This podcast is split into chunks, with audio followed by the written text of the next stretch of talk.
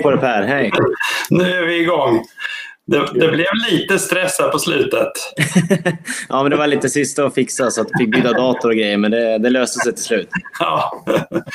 vi hade lite tekniska eh, utmaningar i det sista, men jag tyckte det löste sig perfekt. Så att, eh, tack så hemskt mycket och väldigt välkommen hit Ludvig. Tack så mycket, det är jättekul att få vara med.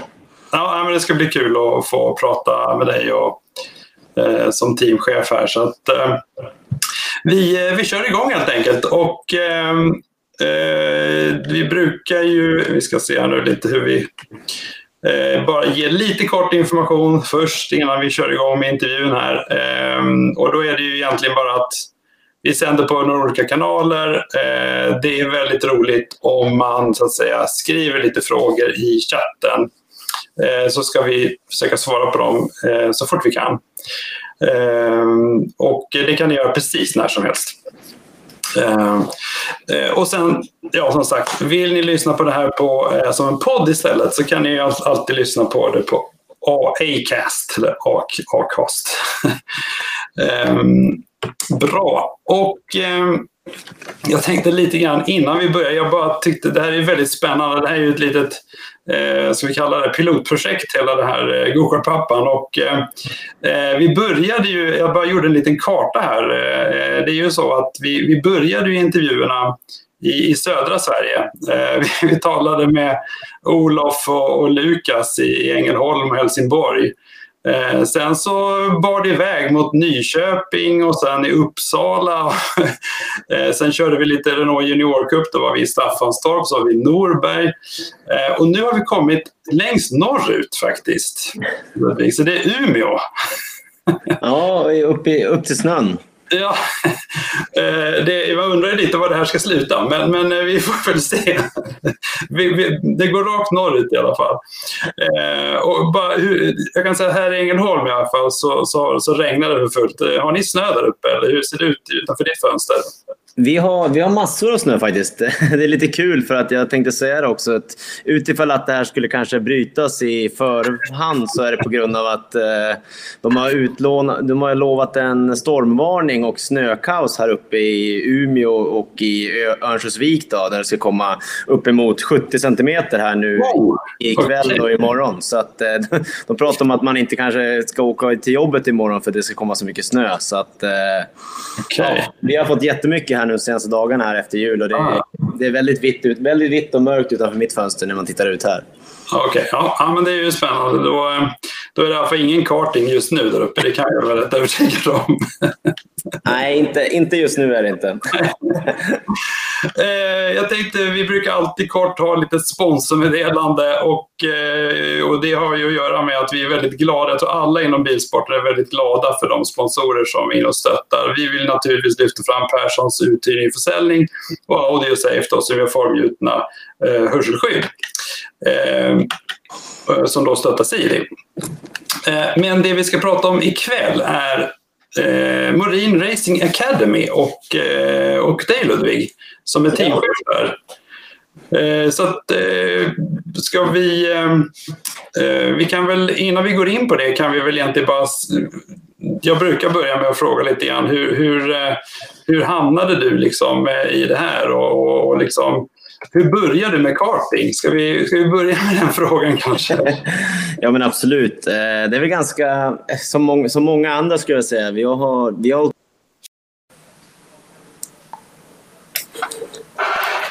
Sådär, nu tror jag vi är tillbaks. Det här är nya, nya utmaningar. Det är ju så när man ska försöka nå oss här uppe i norr så är det lite, det är lite svårare än för... lite längre norr. Det kanske är det. Du ser, vi har tekniska bekymmerskylten uppe. Tar vi ner den, det är ungefär som wet race. Eh, så vi att de laggar lite i Norrland, säger Robin här. Johan är inne och undrar om det kan ha med resfeber till Portugal att göra. Här. Kanske, kanske Johan har lite rätt där, att man är så jäkla sugen redan nu så sitter här och funderar på att boka resor istället. ja, lycka till så mycket. Eh, Men, Men vi, vi, börjar väl om? Ja, vi, vi startar om. Hur, hur gick det till att, eh, hur gick det till att du, du, du startade med kartingen och, och du startade Remod Racing Academy? Hur, hur liksom började det här? Ja, alltså, grejen är att jag själv eh, jag, jag är ju uppfödd i en racingfamilj då mm. både pappa har tävlat i Porsche på Nürburgring och sen även i lite Porsche i Sverige och jag har en farbror som har kört rally och är junior, juniormästare för många, många år sedan och så här. Så att jag ganska naturligt kom in med att vi... Jag har ju tre bröder också, en äldre och två yngre och alla, alla vi fyra bröder har kört gokart. Mm. Eh, så att vi har liksom... Eh, vi, vi, vi har man har väl fötts in i det lite grann och man började ju, ja, inte supertidigt egentligen, men jag började själv 2006 att köra klassen Formel Micro. Mm. Eh, och uh, har kört, körde då hela vägen till 2014. Och har provat lite olika klasser fram och tillbaka eh, genom åren där och kört. Och sen så 2014 när, vi, när jag kände att jag var liksom, ja, jag hade nått liksom min topp, eller vad ska man säga, jag hade liksom kommit så långt jag kunde komma i min egen utveckling. Så då mm. bestämde jag mig för att eh, lägga min hjälp på hyllan helt enkelt. Och, eh, så började det ganska roligt med att jag, jag tävlade själv och träffade en väldigt trevlig pappa från Stockholm. Eh, mm. Täby. Eh, Hugo Andersson. Eh, han tävlar mm. idag i Porsche Carrera Cup. Hans pappa ja. Lars kom fram till mig och ville ha lite hjälp med sin son. Eh, och eh, han eh, helt enkelt bad mig att hjälpa hans son. Och jag åkte ut till Södertäljebanan för er som har varit på den. Väldigt eh, rolig bana. Mm. Och sen var vi där en hel dag och jag själv fokuserade på min egen racing men hjälpte samtidigt Hugo i sin utveckling. Och mm. Han var jättenöjd med det och jag tyckte det var jättekul att hjälpa ungdomar och hjälpa Hugo då, i första läget. Där. Och sen så mm.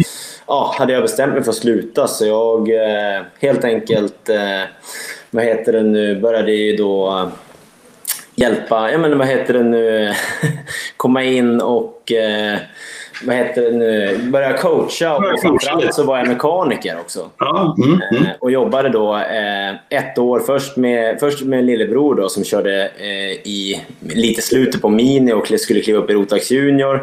Och mm. sen så är jag väldigt god vän med Viktor Öber som frågade mig om jag kunde följa mm. med och coacha, eller framförallt mecka då, till honom mm. då, när han åkte med PDB-fabriken. Mm. Eh, och vi åkte en säsong utomlands då, och även i Sverige och körde lite GSP och så. Då var jag bara mekaniker och, eh, okay. ja, med honom, vilket var jättekul och väldigt lärorikt. Hur gammal var du då när du liksom, eh, nästan gick jag över? Jag slutade när jag var, jag måste ha varit 19 när jag slutade, skulle fylla 20. Och sen så då hade gått ut skolan minns jag och liksom visste inte riktigt vad jag ville göra. Jag tyckte jag hade mm. lagt ner många, många år på min racing och ville, ville på något sätt fortsätta men jag visste nog inte riktigt då om jag ska vara ärlig vad vart den resan skulle ta mig. Men eh, mm. ett år där med, med Viktor när vi åkte runt utomlands och körde med PDB team, teamfabriken, då, PDB och Nick de Bruyne och de grabbarna nere i Holland och lärde mig jättemycket både med skruva och motorer och allt från Rotax till X30 och sen så efter det året där så... Vi kan väl säga att Viktor Öberg är ju väldigt framgångsrik förare. Oerhört. oerhört. Som gör vissa gästspel då och då, som i SM till exempel nu. 2020. Precis, precis. Att han är ju ja, väldigt, väldigt erfaren och väldigt, har varit med i väldigt många år och kan ja. väl aldrig riktigt helt lägga ner det här utan kör väl på mm då och då när han får tid. Han jobbar ju idag som stridspilot också uppe i Luleå mm. så att han har väl inte riktigt tiden idag som han önskar men han är en, eh, en klart eh, en av de större i den här sporten i Sverige i alla fall. Är han också från Umeå eller är, vad är han Nej, han är, han är född i Borås och är från, ah, okay. eh, från Götlaborg nästan ungefär. Okay. Inte, jag skulle inte boråsarna säga att det är Göteborg men, men därifrån. Men vi, vi vart kompisar egentligen utanför banan först där vi vart goda mm. vänner och mm. vi, hade, vi var lite, vi hade, vi hade trevligt trevligheter på sidan av och sen så fortsatte det då med att han hörde av sig och behövde en mekaniker som, mm. ville följa med, som kunde följa med honom och, och han, han är ju väldigt självgående. Och, mm. eh, så det var jättebra för mig. Och sen så satte jag mig väl där efter det året och satte mig och pratade lite med pappa som hållit på med racing och sådär och sen så kände jag väl att Ja, jag, jag, märkte att det var flera. Jag, jag, jag la väl ut en liten så notis och började kolla runt lite grann om det fanns någon som skulle vara intresserad av, av att få lite coachning och hjälp. Och mm. upptäckte ju då eh, Matilda Olsson som bland annat som var med ja. i ett tidigare avsnitt. Hon och sen ja, en annan, det, det, det är Matilda som väldigt gärna ville att du skulle vara intervjuoffer här i, i gokartsoffan som vi ja, säger. Ja, men det är, det är väldigt kul för att ja. eh, jag, jag har varit med Matilda på när hon började, när hon, från att hon eh, inte var lika duktig som hon är idag kan vi lugnt säga. Mm. Eh, och eh, då var det faktiskt vi, vi var fyra stycken som när jag startade 2017 då när jag startade MRA så var vi fyra stycken chaufförer mm. eh, i form av min lillebror Hannes då som var som självklart att han skulle med och så mm. var det Hugo Andersson från Stockholm och så var det då Matilda Olsson och Patrik Rundqvist. Eh, mm. Patrik och Hugo idag tävlar båda två i Porsche Carrera Cup och Matilda har ju som sagt varit med lite tidigare här. Precis, i Rotax. Ja, hon kör nu i alla fall. Och det, och det är ju, jag vet, jag frågade innan, liksom, ni, ni, hur, hur, jag menar, det brukar vara, det kan ju, vad är det som gör att man faktiskt börjar att prova karting? Men i ditt fall, så, och, och speciellt nu var ni fyra bröder och alla började köra karting ungefär samtidigt. Eh, men eh, du förklarar det som att ni är en, liksom en racingfamilj, alltså ni har det, ni har det i, i familjen och då, då är det inte så konstigt att alla började prova. Nej, men alltså vi hade nog, jag tror inte att vi hade kommit in i det från början om inte det vore för att pappa liksom kanske pushade på som det ofta är i början. Alltså, mm. Det var inget sånt här naturligt att man eh, gillade och det kan vara vad som helst, köra fyrhjuling när man var liten och sånt där. Utan det var, det var just att pappa fick, körde lite själv. Han hade någon gammal sån här superkart eller IC, ICC så här, 250 kubikare KZ som han själv sport, som han körde lite på sport på skoj med. Ah, ja. Eh, och där väcktes väl intresset och så köpte han då en, ja det var väl både en Mini till storebror, min bro, äldre bror då, så Micro till mig och sen så året efter, därefter skulle ju då min mellanbror som är 21 skulle ju ha då, han är 21 idag då, men han skulle ha en Cadetti och sen så vart det Puffo till den minsta. Så det var många kartor liksom samtidigt. vi, har fått, vi har fått några frågor här från Robin Rönnerhall. Han vill veta vem din största rival är genom kartingkarriären. Är det, är, det, ett långt svar på den eller ska vi ta den på en gång här? Eller har du, har, tar den senare? Ja, men det, är ganska, det är väl ett ganska kort... kort det är Robin. Robin och jag har känt varandra länge så jag förstår hans fråga. Eh, men jag skulle säga, när, när, på min, när jag tävlade och hade min, min största kartingrival var ju en kille från Göteborg som heter Jesper Magnusson. Jag och han hade riktiga bataljer genom eh, mina sista två år i Rotax. Då. Väl, han är väldigt, väldigt duktig, eh, Jesper, på att köra. Han har, även han kommer från en racingfamilj som har ja, två mm. bröder som har kört. Och så, där. så jag skulle säga att i min, genom tiderna, så är det, min kartingkarriär, så var det självklart Jesper Magnusson. Okej, det är bra. Då vet vi. Då har Robin fått svar på sin fråga. Tack för frågan Robin. Eh, ja, men superintressant. Så det var, liksom så det, det var så det började kan man säga då. Ja. ja. Eh, och vi, när vi försnackade lite här så jag vet Matilda när hon eh, liksom nominerade dig sa att hon tyckte det hade varit kul att liksom höra en, en teamchefs liksom perspektiv. Jag har ändå hört många pappor och, och Matilda som förare och du är lite både förare och teamchef här. Men, mm. men jag vill ju också försöka att eh, knäcka lite myter i det här programmet. Vi, jag, jag, tycker att det finns just när det gäller team och så, att, eh, som jag själv har fått höra är att, att eh, alltså, ungefär, ja men du vet, team och sånt, det, det, det, det är för dyrt. Det, och sen är det, även om du har pengarna så är det i princip omöjligt att komma med i alla fall. Så att, så att eh, du vet, det, det, det är väl min första fråga. Är, är, är det så? Nej, men vi, vi, vi, ska väl, vi ska väl slå ner de här eh, som sagt mythbusters på en gång. Och jag måste ja. bara liksom direkt säga att är, i min, jag, jag tycker att det absolut inte är så. Jag, jag förstår att den frågan eller den mm. tanken uppstår hos många föräldrar och även många ungdomar. Men jag tror mm. att man som ny i sporten eller som har varit med i många, många år, man måste våga, våga ta för sig och våga fråga. Våga gå fram och prata, våga gå och ställa vad, vad är det här, vad är det här för, är ni, vad, vilka är ni och vad gör ni? För det, för det är ju lite så, för de som då inte riktigt eh, känner till hur det är på gokarttävlingar så jag menar, det är en ganska liten yta, det är väldigt många tält. några av de här tälten är väldigt stora, fina, det är fina logos. Eh, de som går in och ut ur de här tälten, de har eh, samma kläder, de har fina, liksom, nya fina overaller och det står eh, Marine Racing Academy och lite sådär. Så man, man liksom får ju lite respekt för dem på något vis. Tycker liksom att här står vi själva här och skruvar i vårt MX24-tält som i och för sig är ett jättebra tält. Men, ja, absolut.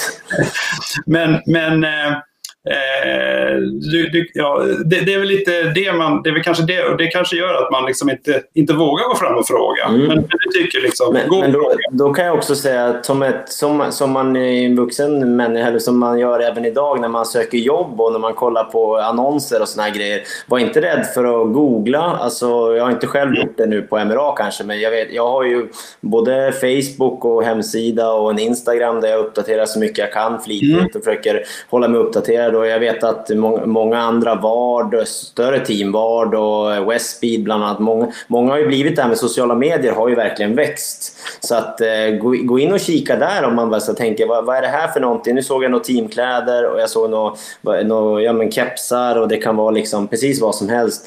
Och var inte, mitt enda tips är egentligen, var inte rädd för att fråga. Och man kom, om man inte frågar så lär man sig inte heller någonting utan mm. att liksom, ta för sig lite. Så du säger egentligen att ni är inte är så farliga som ni ser ut? Precis, precis. Det kan se lite skrämmande ut som du säger när man kommer där med sina matchande overaller och matchande teamkläder. Och det är också en grej för de som ingår i teamet också, att man ska känna ja. att man är del av någonting. Precis som ett mm. fotbollslag eller någonting annat. Mm. Ja, nej, men jag, jag, förstår det, men, men det, det, är väl, jag menar, det, det är ju inte så många som är i team om man nu tänker. Vi, kan, jag har gjort, vi gjorde ju en bild där vi bara försökte titta lite mellan några av de teamen. Jag, jag, jag gjorde ett försök på att liksom googla lite här. Och, eh, vi kan väl, eh, det, det här var väl några av dem som jag tycker man väldigt ofta ser på de tävlingarna jag är i alla fall på. Eh, och det är väl både stora och små team kan man säga. Absolut. Och mm. Jag själv har ju som sagt, ja, som jag sa innan tidigare, så har jag jobbat med, med Viktor Öber och jag känner Peder väl som, eh, som driver PDB Racing. Då. Mm. Eh, har, har själv tävlat i både Westspeed och Soda. Westspeed är ju liksom eh, Cosmic som tävlar med OTK. Som, ja, båda de teamen är ju ska man säga, underteam eller underleverantörer till Vard Racing då, som säljer mm. Som är kanske, jag skulle säga Vard är ju självklart det största teamet både mm. internationellt och i Sverige när man räknar till till, eh, kollar till antalet chaufförer och vilka overaller och sånt där. Sen finns det de här lite som också behövs. Ja, men MRA tillhör ju de här lite mindre teamen, typ som High Speed och mm. KR Team Sweden är ju också ett ny, kommit lite här på senare år. Eh, mm. KR, Kenneth har ju hållit på i Stockholm i ganska många år nu. Det är väl fyra, mm. fem år han har hållit på och gör det jättebra med sin bil. Så vi, är, mm. vi är några stycken där som kämpar liksom. Och mm. Det är som sagt, det, det, man kan inte skylla på att, man inte, att, man att det inte finns några utbud eller att inte, man inte vet att det finns plats. För det finns ju ganska, som du ser på bilderna här, finns det rätt många team. Ja, nej, men det, det, gör ju det. Och, och, och, jag menar det som man kan väl, jag menar, om man nu inte riktigt vet, men det, det, är väl i princip så också att är du ett visst team så, så vill man att du kör en viss, en viss kart, ett visst chassi. Därför att man har kanske reservdelar, man har kunskapen om just det chassit och då vill Precis. man att alla kör med samma. Så man kan inte kanske hoppa in och ett, eh, då, ja. då, får man ju fråga sig lite grann om, om det är så att man har köpt sig, vi säger att man har köpt sig en kart från eh, gokartkompisar eller på Blocket mm. eller vad som helst. Då kan man börja ställa frågor både på Facebook och sådana här sociala medier. Vad är det här för kart? Vad, vad är det för märke? Vart, mm. Vem är det som jag kan fråga angående reservdelar till just den här karten? Och mm. liksom, hur, hur fungerar det? Och sen så, som du säger, att det, jag, jag jobbar ju till exempel också, precis som Soda, Westfeed och Vard, så jobbar jag ju med OTK-chassit. Mm. Som Mm. Det är också för att jag själv har tävlat både internationellt och i Sverige med just den bilen. Och det, är, det är mycket ja. lättare att ut, tävla med någonting som man själv har mm. erfarenheter av. Mm. Även fast det kommer uppdateringar och det kommer nya grejer, det kommer nya tekniker. Ja. Och det gäller ju bara att få vara med. Men man kan inte komma in med en annan, om man har köpt en Sodikart eller en Parolin eller någonting. Så då ska mm. man försöka höra av sig till de som har de kunskaperna. Precis, och det kan ju vara bra att veta nu om någon som inte känner till det här riktigt. Men, men det är en, en viktig del. Man måste liksom se till att ha rätt chassi till det teamet och, och lite sådana saker. Så att, eh, Precis. Mm. Ja, men, det, men som sagt, det finns faktiskt eh, ganska många team om man nu eh, funderar på det. Ja, och sen är det ju inte, alltså det är inte heller kanske för alla om man inte, om man inte vill det. Det är ju ganska det är lite olika med hur, hur, man, vill, hur man vill. Ibland kan ju en, en pappa och en son kan ju också vara ett team. Att man, ja. Eller en pappa och en dotter, och, alltså att man, eller mamma och dotter kan det också vara. Alltså, man kan mm. vara ett litet team i sig själva liksom, och stå i sitt mm. som du säger, 24 MX-tält som inte är alls något fel på. Liksom, det, det, det, är inte för alla heller, utan man måste liksom, men, men det skadar inte att prova. Jag vet att du mm. själv har berättat för mig att ni har testat en gång åtminstone och du var ju jätteimponerad av den upplevelsen. Så att, eh, Ja, nej, men jag, jag, eh, jag var faktiskt positivt överraskad om man säger på det sättet.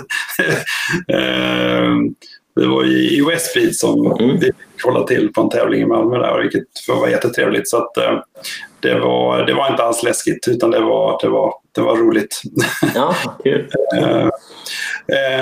ja, nej, men jag, jag, jag tycker, som du säger, jag menar det nu, nu, jag, jag, tror att det, det, är, alla är vi ju ett team på något vis. Jag menar, jag, jag, eh, när jag beskriver liksom hur Siri och jag är på en tävling så är vi vårt team. Liksom. Och vi har våra roller. Liksom. Siri är i princip ointresserad. Hon är inte ointresserad, men hon är helt fokuserad på körningen och liksom tävlingen. Mm. Och, och jag, min roll är ju liksom att ja, se till att, att ha rätt däcktryck och, och chassit så inställt så rätt som möjligt. Liksom. Ja. Även om jag tycker att det här är lite det problemet som jag Eftersom jag inte har den där racingbakgrunden och vi som inte har den där racingfamiljen eller, eller föräldrarna som har kört kart så, så tycker jag tycker ibland att det tar väldigt lång tid att komma till den nivå man vill. Mm. Eh, och jag menar, det, vi pratade lite om det innan, jag tycker att man kanske ska fundera på det här med team. Eh, vi får väl se när vi pratar, man går igenom lite mer vad det innebär. Men, mm, ja. men just att jag kan ju tycka att när man är ny så får man kanske mer du kommer ut i klubben där och sen eh, så... Alltså du får ju lite hjälp och jag menar, som sagt, vi fick jättemycket hjälp av, av eh, Magnus Almqvist då. Jag har sagt det innan också. Och, och, det var liksom han gjorde verkligen att vi kunde komma igång. Men, men sen så när du börjar köra då och liksom, du vill liksom komma vidare där och, eh, då, då, blir det ibland så att du får nästan svaret eh, av, av dem i klubben. Ja, men du ska ju liksom köra, nu ska du lägga tusen varv här och då, då när du har gjort det, då, då kommer liksom Siri då hitta körtekniken. Och jag kan ju tycka, nu när vi till exempel byter till J125 så vet ju jag, även om jag inte vet exakt, så vet jag att det är en annan körteknik. Mm. Och jag kan ju tycka att ska, ska, vi, ska Siri nu sätta sig och köra tusen varv i den här stora kartan eh, och kanske hitta rätt eller lära sig fel och sen få ändra det. Eh, det hade kanske varit bra om man, man kom in i ett team och så liksom får man då kommer lite snabbare fram. Det är lite... Ja, sen ska man inte vara rädd. Alltså det är som jag sa tidigare, man ska inte vara rädd för att, alltså, som sagt, jag har ju, eftersom att jag själv har hållit på och varit i den här sporten och varit den här världen, så den här lilla gokartbubblan som vi som mm. tävlar i det här håller på mm. med, så har jag lärt känna de här människorna. Och Peder, och jag, jag känner ju även till Fredrik på Highspeed, även fast jag inte mm. haft så mycket med honom att göra. Och han är liksom långt, långt nere i Sverige och jag är långt, långt uppe. Vi har ju Lindholm, som Lindholm uppe i Skellefteå är ett jättetrevligt, mysigt team som tävlar i Norrlandscupen som är uppe i mm. Norrlandsbanorna här. Och jag tror man måste, bara, man måste liksom ta sig modet till att har man börjat med det här så måste man... man som du säger, i början handlar det mycket om att sitta och köra, köra, köra. Men sen när man känner att, ja, men som du säger med Siri där, att man måste liksom känna att man vill, man vill ta det till nästa steg. Då ska man inte vara rädd att fråga. Och jag kan säga av egna erfarenheter med både, jag har ju haft med Stefan och Mikari på Westbeed och Tommy Prosi mm. och Kenneth såklart. De här grabbarna, jag har ju känt alla de här och de är mer än gärna liksom att ja, men ta fem minuter och prata lite grann och fråga vad innebär det här? Och, okay, vad, och, hur ser det ut? Och vad, ska vi, vad ska jag göra för att liksom försöka vara med här? Och ibland kan det vara att man måste, de, att man måste kanske köpa sig en kart eller man kanske kan få prova en kart. Man kan komma till ja. en av banorna nära och testa. Eh, vi har ju Umeå här då, som är liksom vår hemmabana uppe i norr, eller för mm. mig. Då, men då kan man åka dit ut och testa eller så, kan man, eller så köper man och tänker att man pratar några gånger och tycker att det här, känns, det här låter, känns ju jättebra. Ja, men vi, vi kör, vi testar. Ja. Och, uh, du, du, blir nog inte så missnöjd. Många blir väldigt nöjda. ja, men det, det, kan jag tänka mig. Uh, ja, det låter inte så farligt hittills i alla fall. Vi, vi fortsätter tycker jag i och utforskningen här av, av team. Och, och um, och i tältet, för det här är ju, liksom, det, det är ju alltid ett tält med i spelet. Ja. eh, hur, hur, ser liksom, eh, organisationen ut och, och, kanske vad, vad händer liksom, innan en tävling till exempel? Eller vad, vad förberedelser? Ja, jag jobbar ju väldigt mycket i, just det, som man säger, organisationen i tältet så har vi liksom, men vi har ju då, ja men precis här som du har ritat upp, en, en teamchef som ska liksom högst upp. Det, det, är väl han, och det är jag i det här fallet då, som mm. ska vara där och arrangera sig, se till så att tältet är där och uppsatt och klart och vi ska ha, vi ska ha reservdelar och grejer på plats så vi vet att vi har det vi behöver till tävlingen. Och mm. att liksom vara förberedd när vi väl kommer dit. Det eh, kan vara sådana små saker som att ställa vissa personer in i tältet bredvid varandra för de kör i samma klass. Kanske om det, om det är senior, senior under 25 eller seniorer och juniorer på andra sidan. Försöka få det för att de ska, även ungdomarna ska liksom umgås med varandra. Och sen så, i mitt jobb, det, mitt jobb underlättas ju av att man gärna vill ha med sig duktiga mekaniker eller föräldrar som, som är mm. med i bilden, som hjälper. För jag utvecklar ju, varenda tävling som jag är på så tycker jag själv också att jag lär mig oftast någonting nytt som jag inte har testat eller trott på förväg att det här kommer funka. Det är ofta man, man, man diskuterar, man bollar lite idéer. Jag, jag har ju en grundsetup som jag, så jobbar jag. att Jag brukar alltid inför varje tävling, om vi ska åka ner till Kristianstad eller om vi ska åka till Västerås, så brukar jag alltid skicka ut till alla medlemmar i MRA, alla som är med på den här tävlingen, så skickar jag ut ett, liten, ett, ett mail eller ett sms där jag skriver att nu ska vi åka till Västerås. Eh, det ser ut att vara, då har jag kollat lite grann på vädret, det ser ut att vara torrt och 12 grader. Ja, men då mm. ska vi liksom sätta på de här fälgarna. Vi börjar med de här fälgarna, vi börjar med ett 78-drev, vi börjar med den här bakaxeln. Och så, så, så, de har en grundsetup som de kan göra hemma i garaget. Mm. Så man kan göra efter en jobbdag eller någonting kan man gå ut och fixa. Just det, det där ska jag göra ordning inför helgen. Då. Så man inte mm. behöver komma ner på plats med till tävlingen med en, ofär, en kart som inte är färdig och sen ska man börja redan då fixa och dona och trixa och det blir som ett stressmoment då.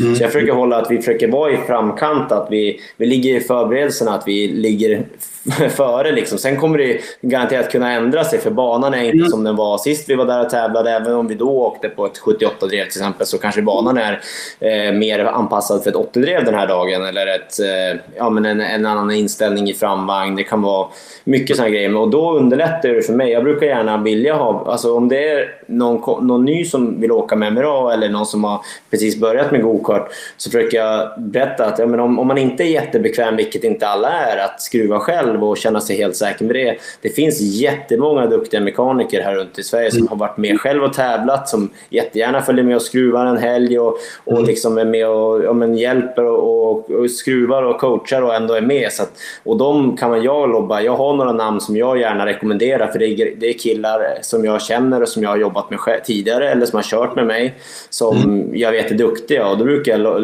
lobba in. Ja, men vill, ska jag ringa till honom? Han är en jättebra kille. Eh, och Liksom, så, så jag kan jobba, för det underlättar mitt, det gör ju mitt jobb lättare om man säger så. Ja. Nej, men det är ju jättebra liksom, att man har en gemensam startpunkt på alla chassina. Och... Precis. Sen, vi pratar lite det, det kan ju, I de här klasserna kan det vara lite olika motortyp. Någon kanske kör X30 då, någon kör Rotax, 925, seniorer 25. Eh, då får du tänka till lite grann i alla fall. Då. ja, ganska ofta så brukar man tänka till. Och det är också det här som om det är, en, eh, om det är någon som är ganska ny som har precis börjat med karting eller kör sin första tävling. Så det är också det här, men även om jag vet att okay, men jag är ganska säker på att liksom, vi ska åka 78-drevet för det är det snabbaste, om nu tar vi drevet som ett exempel. Ja, men skulle då en ny, en som precis har klivit upp till 925, även om det är X30 eller Rotax, ja, då mm. kanske vi kuggar ett kugg högre för att komma, hjälpa dem att komma runt på banan i början, hitta sig runt och bli bekväm i liksom den här nya banan, den här nya kartan för dem kanske. Och mm. liksom, så man får, man får liksom anpassa inställningarna och tipsen och tricksen beroende på vem, vem det är som kommer och ska köra den här tävlingen. Då. Eller vem det är som är med. Mm. Och, och sen, du berättade lite att jag menar, om det nu...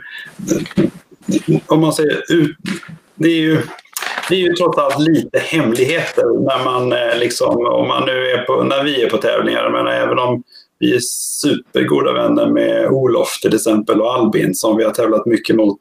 Så när det kommer liksom till tävling och så, så står man inte och, och berättar rakt upp och ner vad man kör med.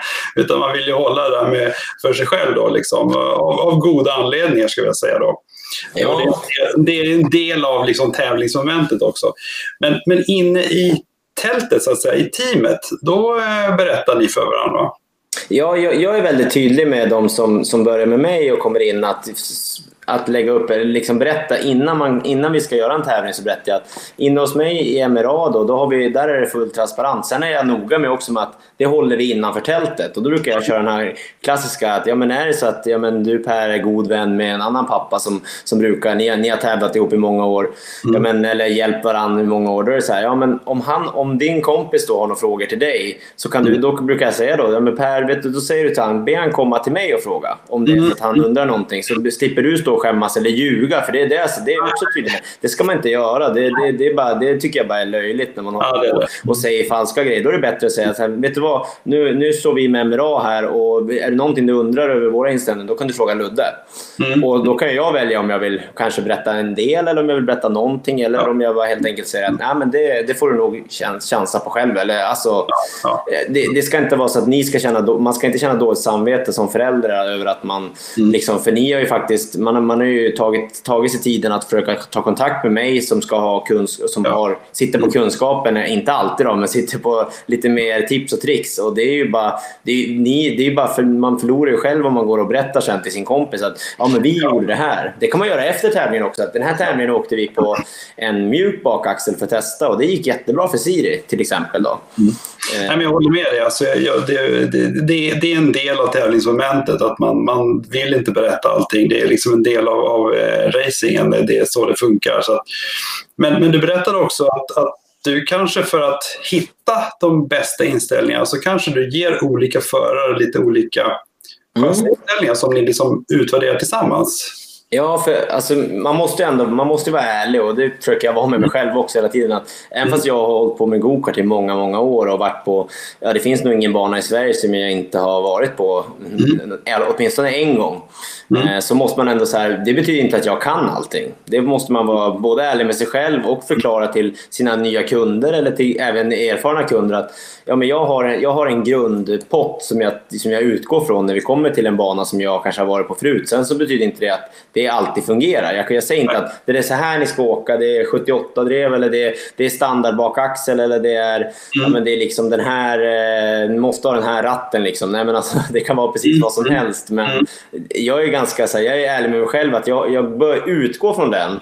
Och sen mm. så anpassar jag mig lite och jag brukar ju som, precis som du säger så vill jag gärna när vi kommer till en tävling så brukar jag gärna vilja, jag menar om vi ska ta Matilda, Patrik, Hannes och Hugo det första året där som ett exempel fyra väldigt duktiga chaufförer som, ja, eh, även mitt första år där, som åkte även internationellt och tävlade jättemycket och ville liksom satsa framåt. Ja, men då kunde jag prova lite grann, för då körde ju då, det var Patrik, Hugo och Matilda i samma klass. De körde senior och Hannes var den enda junioren.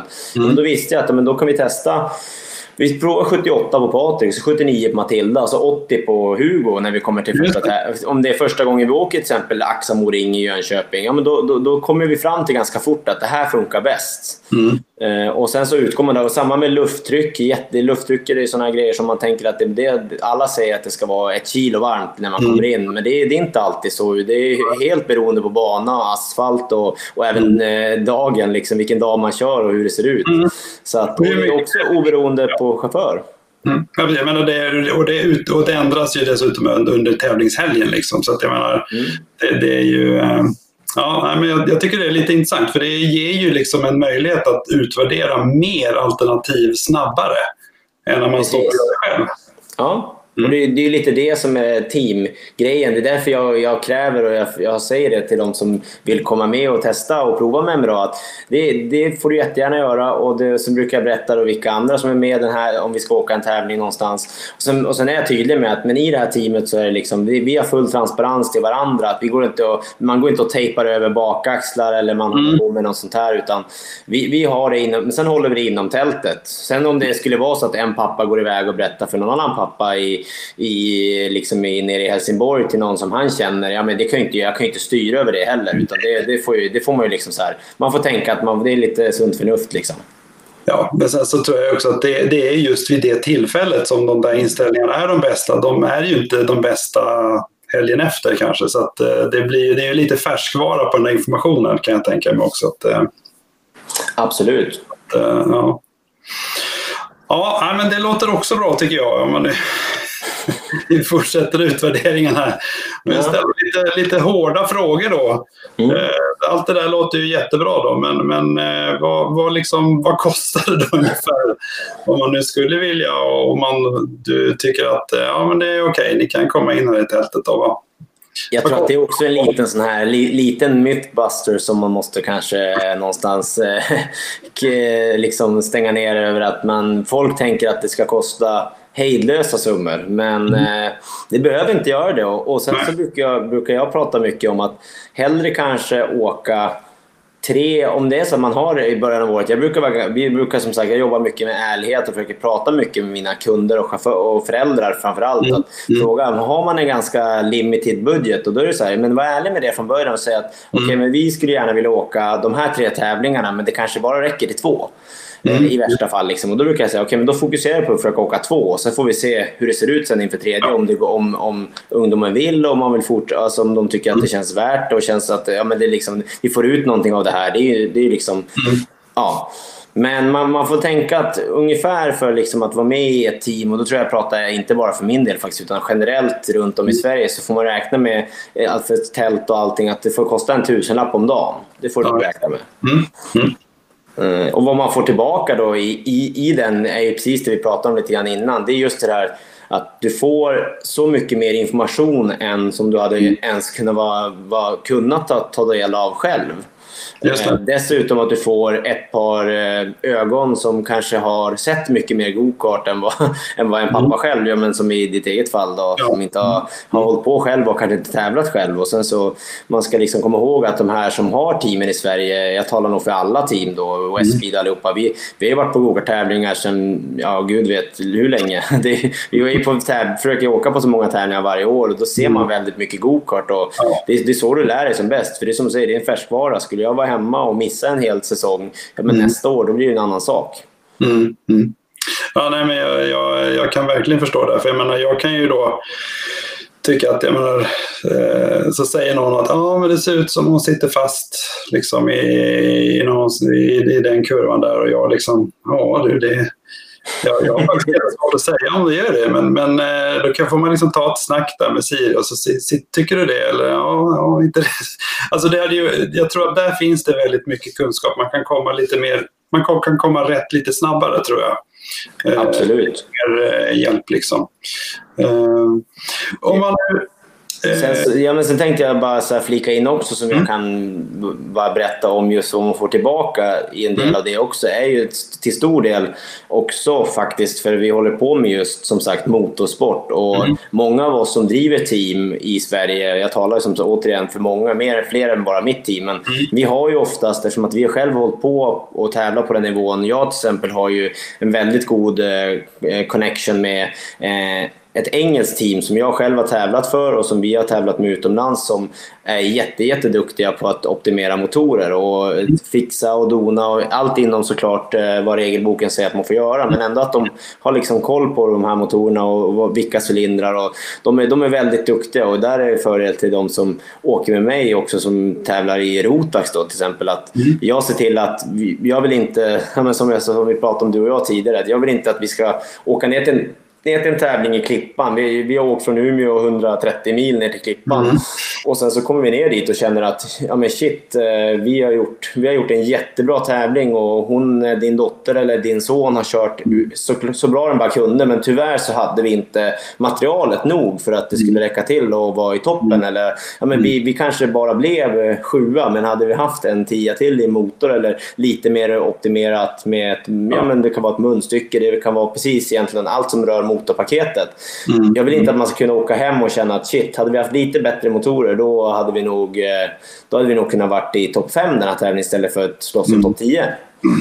Ja, det, det, gäller ju även de andra teamen skulle jag säga. Westbeed och Kari och mm. de här och även Kenneth och de här. De, de har ju sina egna eh, motortuners så att säga och jag har ju mm. min då i England som jag har jättebra connection med som hjälper mig mm. jättemycket. Mm.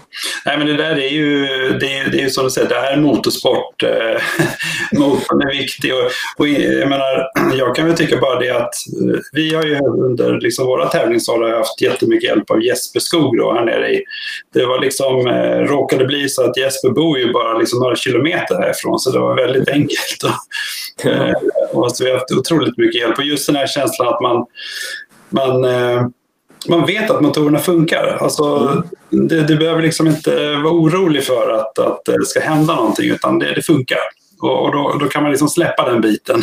Mm, men det är ju precis det, att man kan känna den här tryggheten i att okej, okay, men då behöver inte vi lägga så mycket fokus just där utan då kan vi släppa mm. den biten och så kan vi gå och jobba på det, det som jag har varit lärd till exempel, som jag tycker själv var lite roligt uttryck back in, back in the day, som jag brukar själv säga, nu är det inte så jättemånga år sedan jag slutade, men då hade vi någonting som vi kallade the 25 centimeter problem.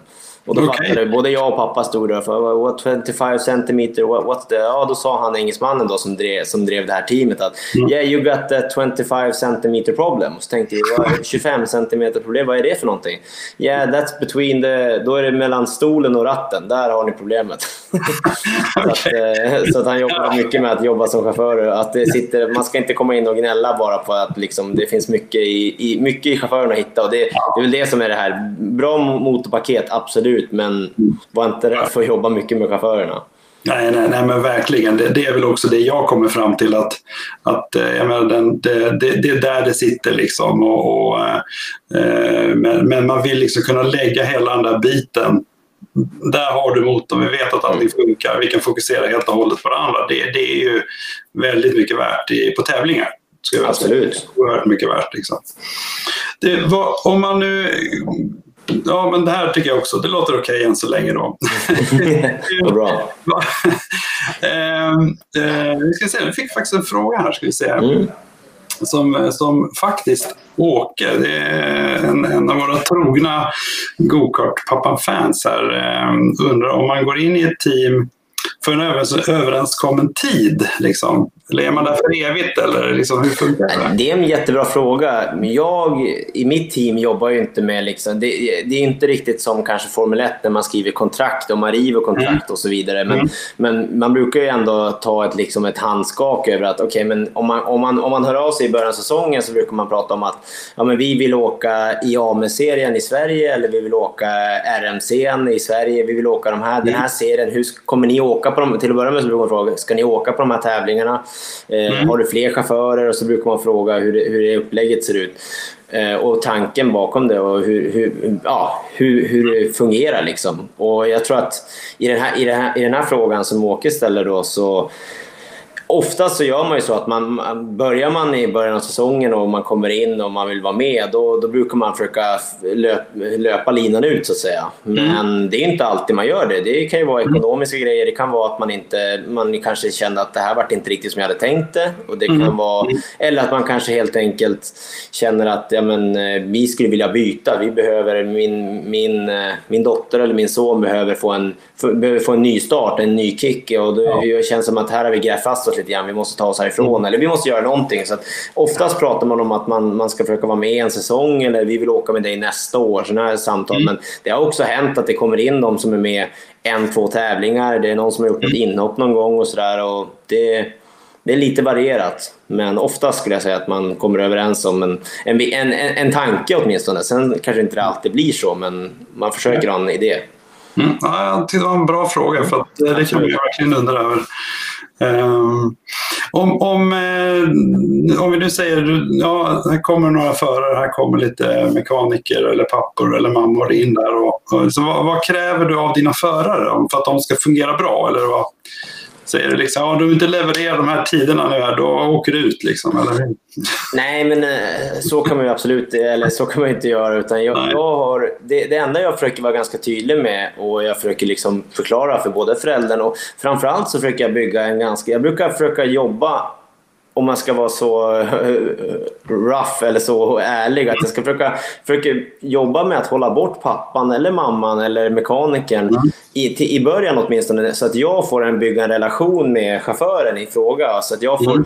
starta, liksom, så jag får se, liksom, det kan vara en aggressiv chaufför, det kan vara en som är lite, kanske, som är lite lugn, kanske som är lite mer eh, behöver få lite tuffa till sig lite grann. Det kan vara någon mm. som liksom kör helt eh, som att man liksom bara fäller ner visiret och inte liksom är med i matchen överhuvudtaget. Mm. Eh, men jag kräver, jag kräver ändå en seriositet av de som mm. ska köra med mig och, och, det är ju liksom det också. För det är ju som sagt, vi har ju kläder och vi har ju liksom, det är ändå mitt varumärke på det. Mm. Och jag kräver ju ändå tillbaka, att, för jag lägger ner en massa tid och energi på att liksom försöka eh, lära eller utveckla ut din dotter eller din son. Så mm. jag kräver lite tillbaka också, att de mm. är villiga. Och är det inte bara pappan, utan att pappa säger ja, ja, vi kör, vi, vi, ja, mm. han är sugen och ja, ja, vi åker. Utan det måste också finnas, det måste komma, komma från ungdomen själv också. Mm. Mm. Ja. det, det, låter, det låter också bra. ja, och sen, och sen sådana saker som ja, men även ansvar själva, på själva tävlingarna. Så som att man liksom, man, man, ska vi vara i tältet efter ett träningspass och prata så det kräver jag ju att, ung, att eh, den här grabben eller den här tjejen då ska vara i tältet och prata med mig efter ett pass. Jag får veta hur kartan betedde sig och jag kräver liksom mm. ett, ja, men ett gehör så vi kan ha en diskussion mellan varandra. Det är jätteviktigt för att kunna ta oss framåt. För annars kan jag, jag kan mm. inte bara gå på att okej, okay, så här var det. Det sladdade bak, ja, men då ska vi göra det här. Men det måste mm. också ha en dialog med chauffören. För det är ofta, det är, chauffören vet ju ändå bäst. Eller ja, inte alltid, men den vet, den vet åtminstone en, den har en idé. Mm. Och det där är intressant om, om chauffören alltid vet bäst. Jag tycker jag har hört många olika varianter. De säger liksom, ja, vissa vet i alla fall att de liksom de berättar inte exakt vad de gör. Därför att de, de tror sig veta att det går snabbare. Precis. Så att, det är lite olika saker man kan... Eh, men, men man kan väl säga då att, att du, du förväntar dig också om att man uppträder liksom eh, på ett sportmässigt, vad heter det?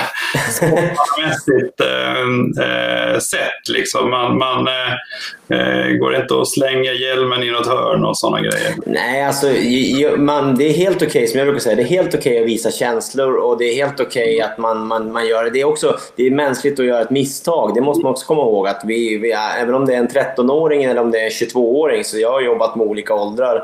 Och det är helt okej att man blir i stunden kanske förbannad och då måste man, även i mitt fall, måste jag liksom lära mig att, lä läsa av situationen. Okej, okay, just nu är det inte läge att gå fram och ta den här diskussionen. Eller så här, okay, men så här gör man inte. Eller om man gjort någonting som man faktiskt är fel, som jag kan anse det här, det där var inte snyggt, att du körde på mm. någon annan chaufför till exempel på banan.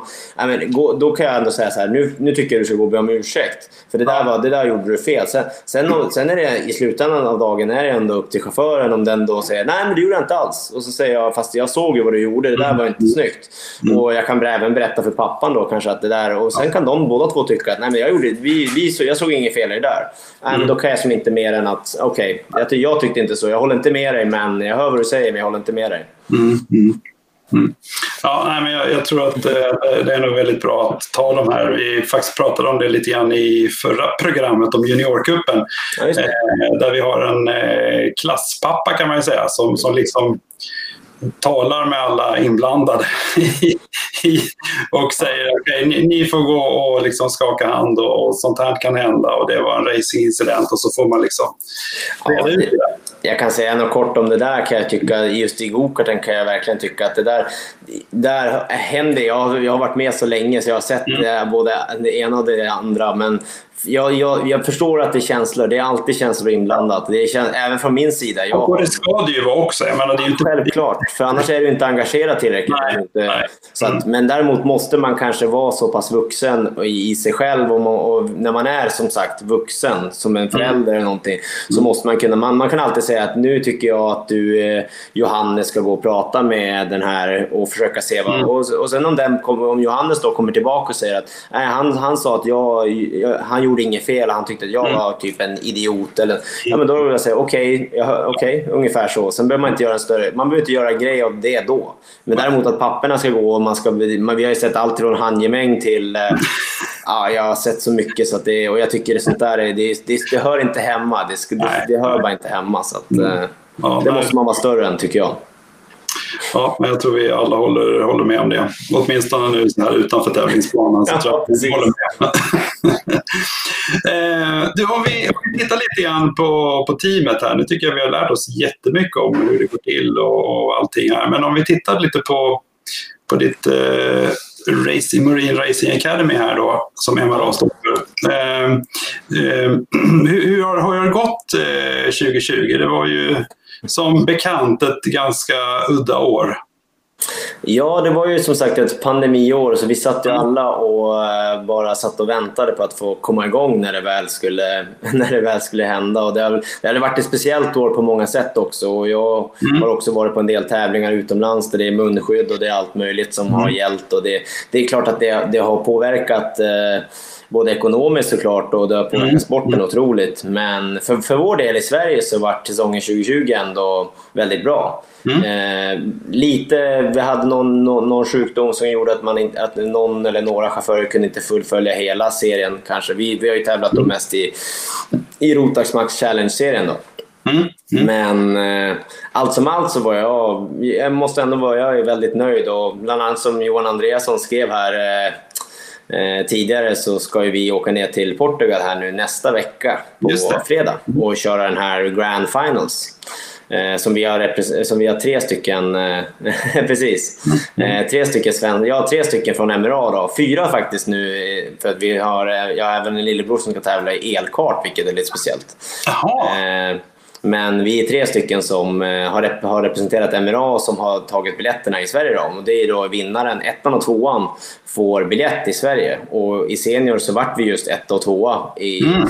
i serien och i junior vart vi också en delad första plats. Vart det. det vart lite en konstig juniorsäsong för att det vart avbrutet och det vart lite för få anmälda i slutet. Det var jättekonstigt. Men vi, vi fick i alla fall tre biljetter så det är ju ett jättestarkt facit tycker jag och visar fortfarande att vi för tredje året i rad liksom, eh, fjärde, ja, tre, fjärde året i rad så har vi tagit den här Grand Finals-biljetten som man alla strävar efter som kör den här serien. Då, för att man vill ha biljetten till att åka, representera Sverige då, i Rotax, i det Rotax Grand Finals. Det är ro, det inofficiella Rotax-VM som vi kallar det. Mm.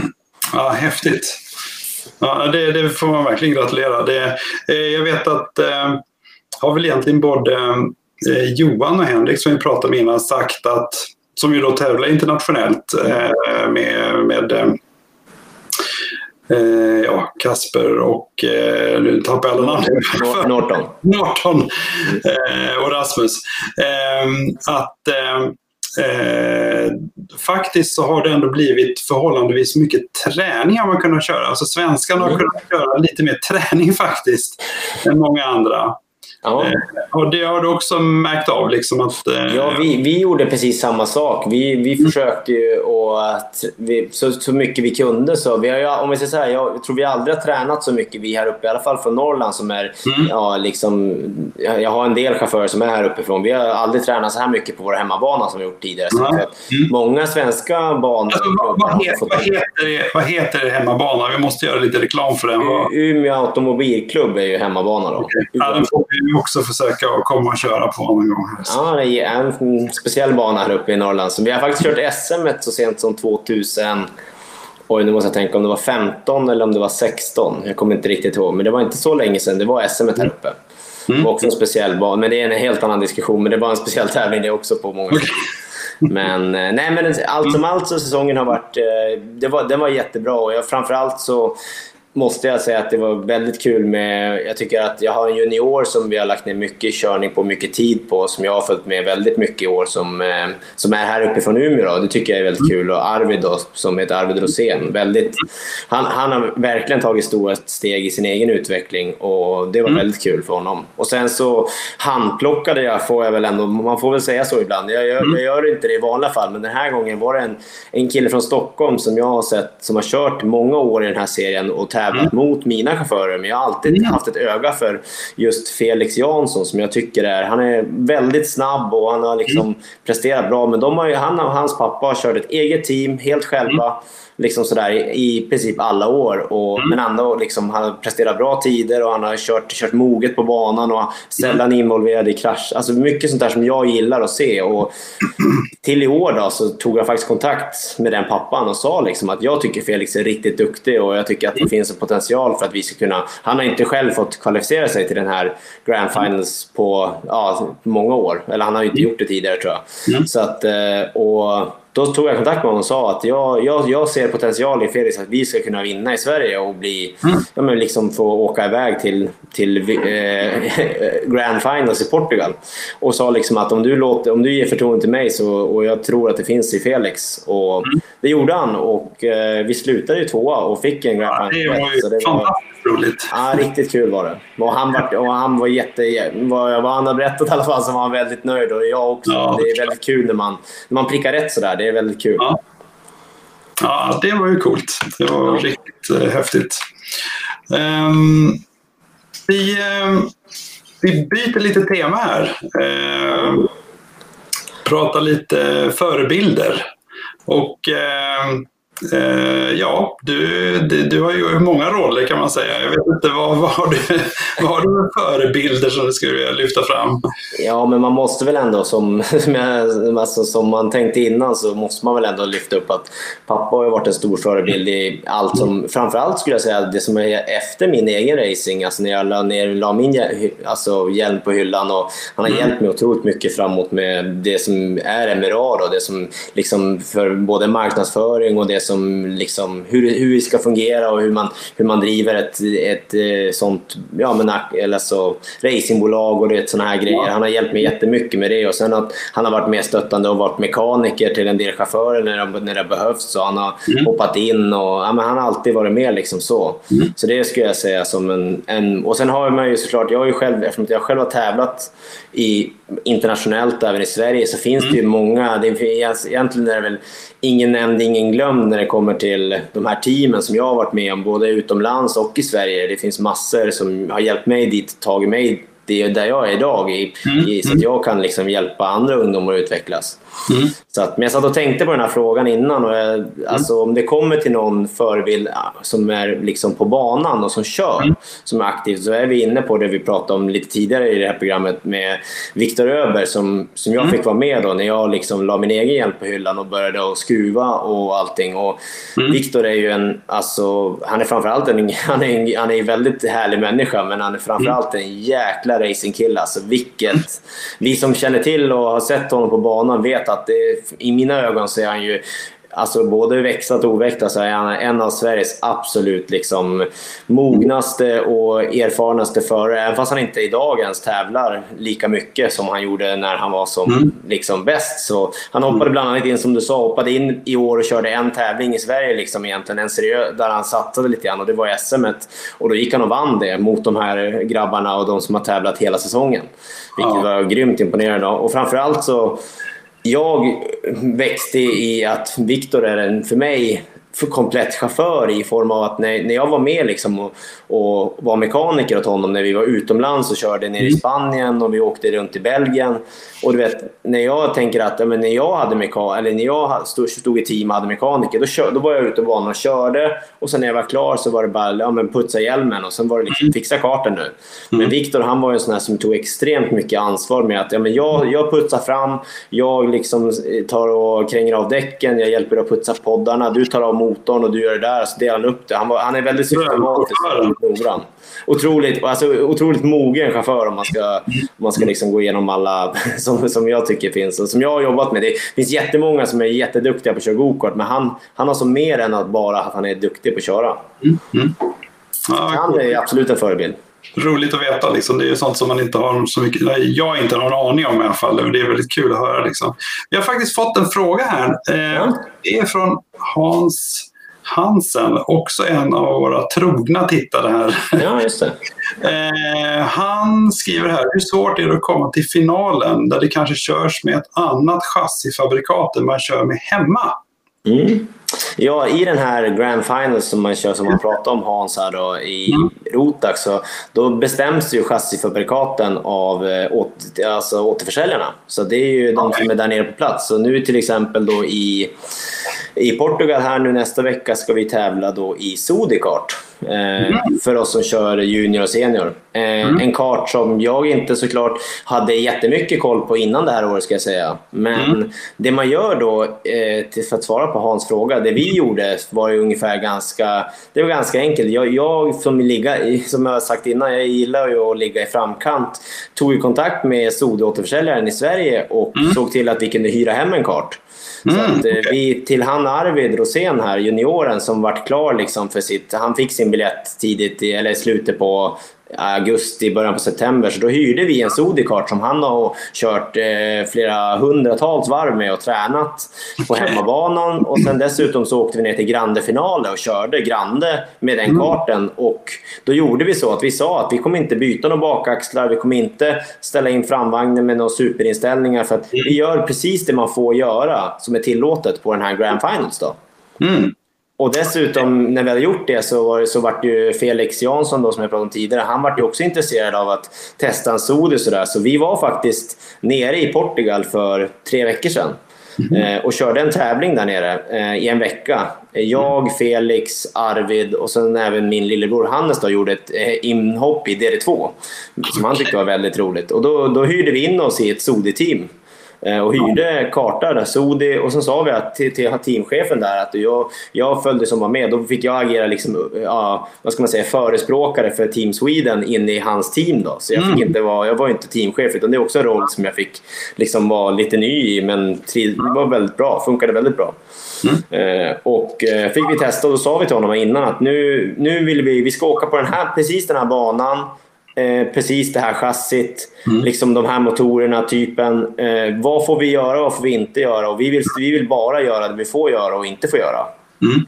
Så att vi, vi, ändrade, vi ändrade inga, även fast det var regn och rusk och det var torrt och det var väldigt komplicerade förhållanden där nere när vi var och tävlade så valde vi att liksom hålla oss till den inställning vi visste att vi fick och inte fick göra. Så vi höll oss till den vi bara fick köra.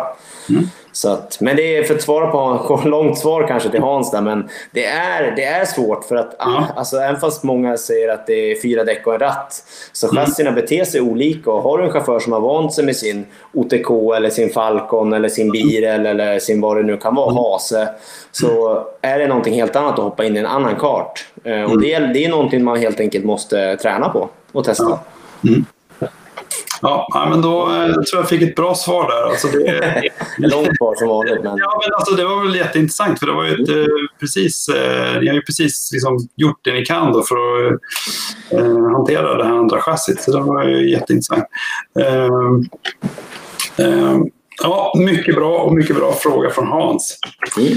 Då kommer en eh, lite annan eh, klurig fråga. Eh, den här eh, frågan som handlar om att du liksom känner till och har kört många olika klasser, men vilken är helt enkelt bäst? ja, det är ju den där klassiska vilken är bäst-frågan. Eh, mm. jag, jag har ju, med MRA har vi ju faktiskt mest kört, eller egentligen exklusivt. Vi har, vi har kört en del X30 också, men vi har mest lagt fokus på RMC och Rotax Max Challenge och mm. Rotax. Då. Mm. Och där, där har jag då han engelsmannen som gör, hjälper oss med motorerna och grejer. Där har jag bra koll på både motorpaketet och på de flesta dreven och inställningar på de flesta banor. Mm. mm. Så i vårt fall, för, för att liksom, MRA har ju utan tvekan varit liksom, vad vi har varit bäst på är ju såklart Rotax. För det är det mm. jag har lagt ner mest tid och energi på. Men mm. när jag själv körde så körde jag ju både mikro, mini, ja, Rotax Junior och Rotax Senior i många år. Och sen så körde jag ett sista år i KZ. Och mm. Kungaklassen, eller vad man, jag vet inte om OK kanske är det som kallas kungaklassen, men KZ är ju fruktansvärt fränt. Det ska man inte sticka under stolen med. Men man måste också vara ärlig med att det krävs mer än att liksom hoppa i och träna några gånger för att hänga med i KZ. Det är svårare än så kan jag säga. Mm. Det, jag, bara kommentera KZ, det är ju då en växlad klass. Det är sex växlar va? Precis, sex växlar och stillastående start med koppling. Precis. Eh, så det, det, är ett helt nytt moment, eller ett, helt, ett extra moment kan man väl säga. Ja, och för de som är vana vid att växla bil, man liksom lägger i ettan, man tar det lite lugnt, man kanske kör lite på den, kör man lite på tvåan. Jag tror ni ligger kanske en och en halv sekund på en växel eller något sånt, eller? Ja, och det är, ju, det är ungefär det. Och det, jag vet att på vissa, jag kan bara, eller jag kommer inte ihåg i huvudet exakt, men jag vet att på Umebanan här uppe i Norrland så tror jag att, jag tror att det ligger någonstans runt, vi har räknat på att det var typ 46 eller 47 växlingar på ett varv. Ja. Så att du går upp till sexan, du går ner till trean, du går upp till fyran, du går ner till tvåan, du går upp till fyran, femman och så ner till trean eller tvåan. Så det är väldigt mycket växlingar på ett. Och då, du, så du lär dig att köra ganska mycket med en hand. Så det är ju lite... Det är mm. någonting helt annat. Men eh, mm.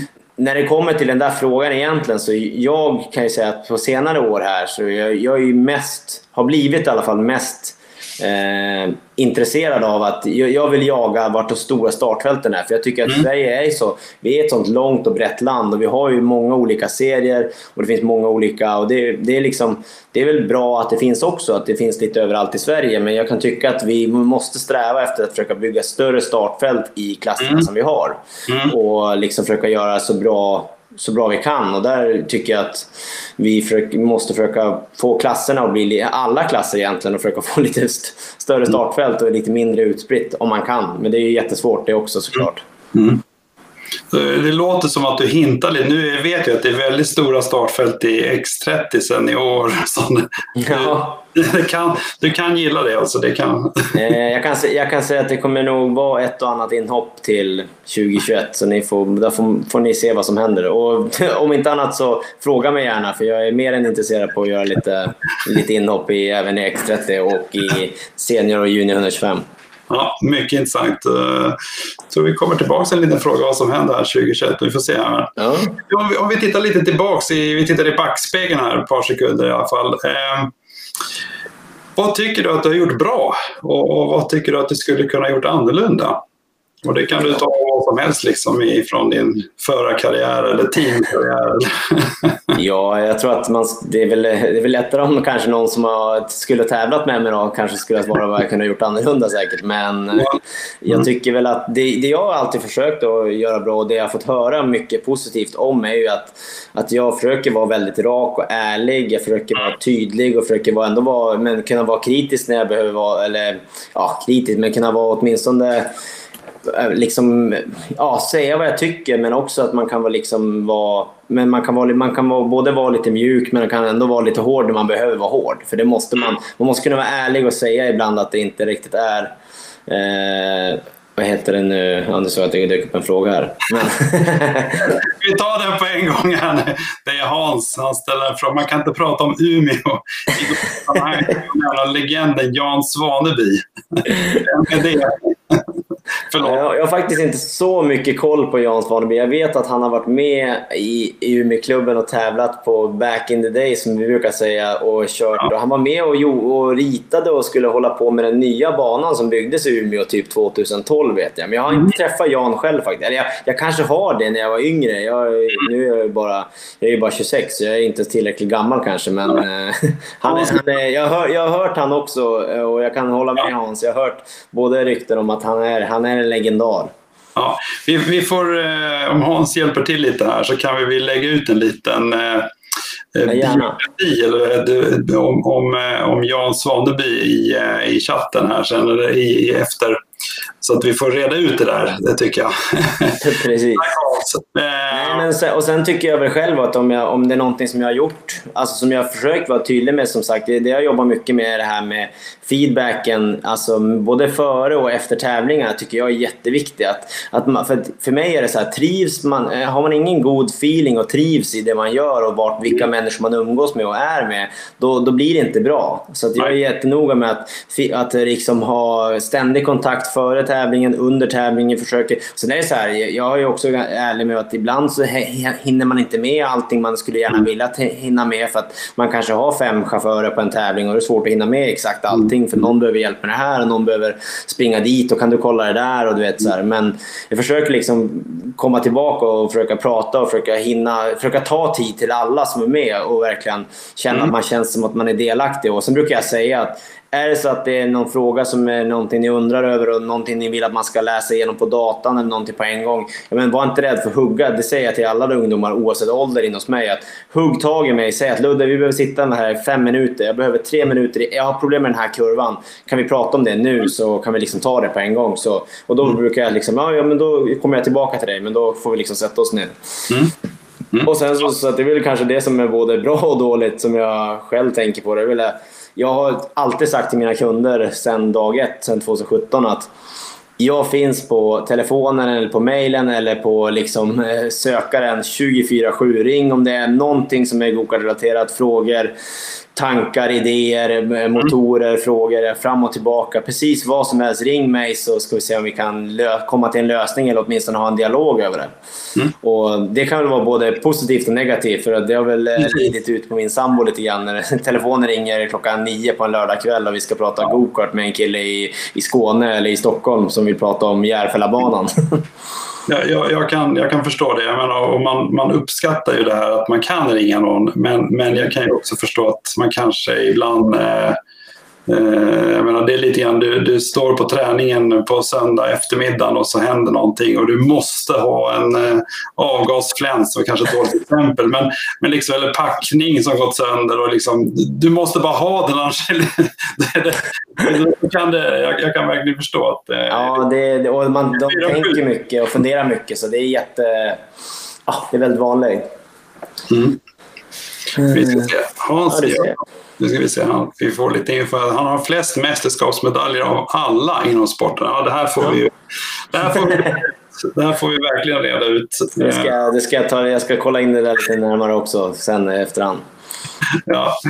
Du, eh, misstag eh, måste vi bara... Eh, har du någon sån här intressant, spännande, något misstag som du skulle vilja våga dela med dig? Har du, har du liksom har du glömt att tanka eller se till, har du glömt att spänna något drev någonstans eller något annat? Ja, alltså när jag tänker på misstag så jag tror inte jag kan tänka tillbaka till ett sånt här konkret när jag varit teamchef. Alltså, nej, nej. Givetvis så har jag någon gång, alltså jag, så sent som i höstas här så var vi på, i Uddevalla, vi har varit där tidigare.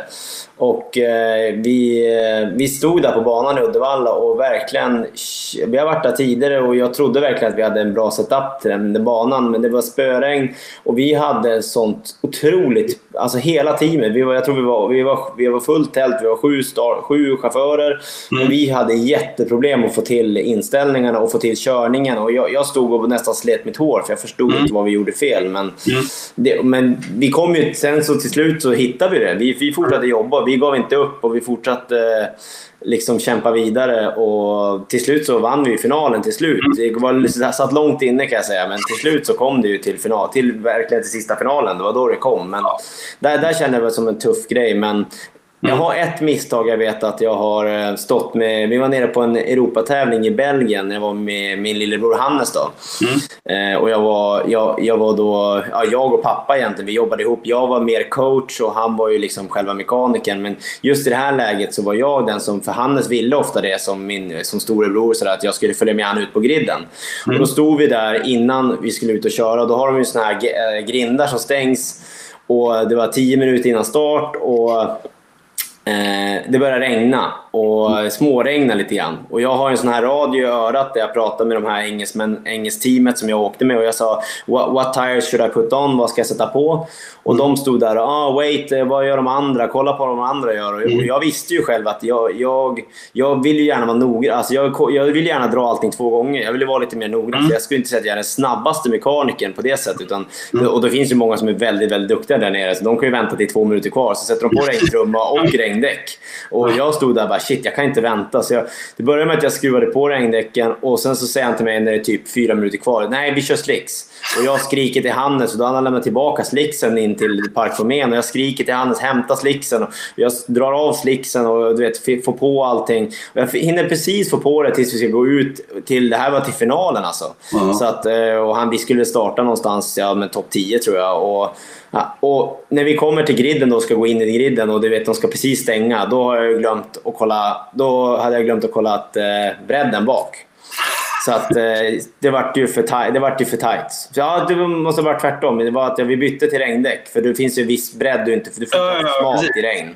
Ja. Så att så var det. Att vi satte på regndäcken i sista sekunden och jag glömde kolla bredden. Och jag minns att jag var så förbannad för han, då vart vi fick inte komma ut i finalen. Då. Och då mm. tog jag den här däcktrycksmätaren och på tal om att hålla mig cool och allting, men drog den rakt i backen för jag var så förbannad på mig själv. Och, ja, Hannes tog det väldigt bra faktiskt då när han var, han var, han var 14-15. Han tog det bättre än vad jag gjorde skulle jag säga. Men ja, det var, det var ett stort misstag i min, i min del. Där. Ja, det, det är roligt att höra att eh, det, det, där tror jag många känner igen sig i det här. Vi fick en fråga här från eh, Daniel Olsson som eh, säger att, eller han frågar, stämmer det att du är grym på kedjor? Det här var lite nytt för mig här. Ja, men den, jag kände att den, den här kommer behöver komma, den här frågan. Eh, det är ju, Daniel är ju såklart Matilda Olssons pappa här nu. Han vill ju liksom eh, skämta lite med Jag har ju i min, bland det sista jag gjorde i min eh, karriär i Sverige så har, har jag då en tävling där när jag, jag, jag skulle kvalificera, eller jag skulle köra för den här världsfinalbiljetten. Jag låg tvåa i serien. Eh, mm. var sista deltävlingen i Lidköp, Linköping var vi och vi var sista deltävlingen och jag visste att det enda jag kunde göra det var att vinna och sen hoppas på att den här, min, som jag berättade för Robin Rönnall tidigare, Jesper Magnusson, min, rivali, min rival, att han mm. inte skulle vara bättre än topp tre. Mm. Och I den här finalen då så körde jag. Det gick, vi satte allting perfekt och liksom jag tog starten och jag ledde. Och jag ledde med en klar ledning alla varv. Och jag minns bara hur glad jag var när det var liksom fyra varv kvar. För då tittade jag bak och jag ser att ja, men jag ser att när jag, går ut, när jag går och ska svänga in i första kurvan nästan, då, då kommer han Magnusson ut på rakan. Då ligger han typ 6-7. Jag räknar inte exakt, men jag tror han låg 6-7. Och jag visste att topp tre här, då, det här, det här kan räcka. Och då, var det så, då kände jag att det här är inom mitt räckhåll. Mm. Eh, och eh, då, när det var två varv kvar så laddade jag ju på så ja, men som jag gjorde i alla andra varv, men jag körde på Jag behövde inte köra på curbs för jag ledde med så mycket. Jag körde ju över curbsen för att jag ville åka fort, så fort som det gick och gena lite grann. Och eh, klämde ju då, eller tryckte då av kedjan, så kedjan gick ju av. Och, Ah, det, var, det, var det, det var den och då, då gick ju mästerskapet. Då vann ju han serien där och eh, jag var två. Så det var, då var det liksom en grej och det, sen var det liksom en grej där att eh, det var, det var en tävling sen vidare också när jag tappade kedjan igen, när det också låg bra till. Så det har hänt mig just med kedjorna, har hänt mig i min karriär några gånger och då har det blivit som en intern eh, joke lite grann kan man säga med de här som varit med när jag har förklarat dem. ja, ja. ja, intressant. Det, det tror jag också har hänt eh, många här. Men mm. eh, tack för den frågan Daniel. Um, då, alltså, hemligheter måste vi också prata. Det, det, Såklart jag är alltid nyfiken. Det är ju så mycket hemlighetsmakeri i den här sporten. Men, men har du någon hemlighet som du kanske kan eh, släppa så här eller dela med dig? Ja, alltså hemlighet och hemlighet. Jag vet att vi, jag pratade om innan när vi satt och käkade middag här tidigare att ja. pappa sa det. Dela inte med för mycket hemligheter, du sa han på skämt. Liksom. Att, men, äh, men hemlighet och hemlighet, det är så här som, som jag brukar säga till många som kommer in och vill åka med MRA och vara med i team och så här grejer. Att liksom, en av de största grejerna man kan göra, och det är precis som med alla andra sporter, det är, det är att träna, träna, träna, träna. Och det är mm. liksom den bästa hemligheten av, av dem alla är väl egentligen att mm. nöta på. Och sen så var inte rädd för som sagt att, ja, men som ni gjorde med, du berättade om han som var med till Klippan där alltså från början. Fråga efter hjälp. Är ni med i en klubb? Ni, ni har börjat, ni har tagit licens och man har kommit in någonstans. Mm. Men koll, man, man kan fråga runt lite i klubben. Är det någon som har kört gokart länge, någon som är duktig? Skulle, skulle den personen, men om, jag, om jag ger den 500 kronor, skulle den kunna komma ut hit på tisdag kväll och kolla på min dotter eller min son när han kör och fråga lite hjälp? För att ja, man, kan, man, kan, man skulle kunna nöta 10 000 varv som inte mm. ger så mycket och så kan 100 varv ge hur mycket som helst med rätt hjälp. Mm. Så att det är någonting jag har hört från mina, mina som har börjat köra med mig och börjat tävla. Framförallt faktiskt mycket pappor till eh, tjejer. För jag har ju haft mycket, jättemycket duktiga tjejer som jag, som jag har mm. hjälpt, eh, som jag tycker är jättekul. Mm. Och många av de papporna säger faktiskt också att det är liksom hellre 100 varv när du pratar och försöker hjälpa, om det kan vara Astrid eller om det kan vara Lili eller om det är. Melinda mm. Öberg. Det finns lite olika som jag har hjälpt. Som, de har hellre, så här, hellre 100 varv med dig eller att vi liksom betalar för att du ska komma ut och jag kan bjuda på en middag eller en korv på banan. Bara du kan komma ut en, en litet tag och kolla. Hellre det än att, än att vi bara åker ut och kör i blindo i 200 mm. varv bara för att åka runt. För att mm. någonstans når du, du når ju som en gräns också av de här varven du bara åker runt i att det går inte mycket fortare. Mm. Och då, så hemligheten är väl att var inte rädd för att ta, ta lite hjälp när du känner att... I, gr i grund och botten, nöt. Absolut. Mm. Men sen när du, när du känner att nötheten och framförallt ditt, din ungdom eller ditt barn eller din dotter eller son, när den känner att nu vill jag, nu vill jag bara åka ännu fortare. Mm. Då ska man inte vara, var inte rädd då för att ja, men, öppna plånboken lite grann för att liksom, ja, men, köpa ett par nya däck, när ni, även när ni tränar. För däck... nu, har du sagt räck, nu sa du faktiskt att det räckte med ett par korv med bröd. Sa ja. Du. ja, det har gjort, det har gjort det några gånger gånger också, så det ska jag vara ärlig och säga.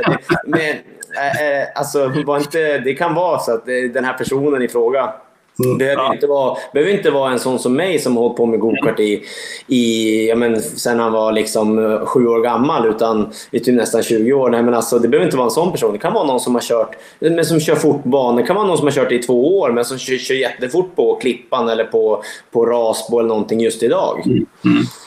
Ja, men det, jag, jag tror det, det var bra, bra, bra hemligheter som du, som du släppte där. om man, nu är det ju så också att vi, vi vill ju få flera till att liksom, eh, våga prova på karting. Eftersom att det är en väldigt fascinerande sport mm. i så många olika avseenden. Eh, och det är verkligen en sport. Liksom. Eh, eh, om, om man vill börja att köra kart, vad, vad skulle vara liksom ditt, ditt bästa råd eller dina bästa råd? Jag, jag skulle, för, först och främst skulle jag väl absolut säga att försök hålla koll på de grejerna. Det är en av viktiga, Det är såklart återigen det här vi pratar om att man ska köra. Sitta och mm. nöta, absolut. Men håll koll på vad du köper för grejer. För alltså, det, det, funkar jättebra att ha någonting du köper som är begagnat eller som är väldigt begagnat kan du köpa till att börja med.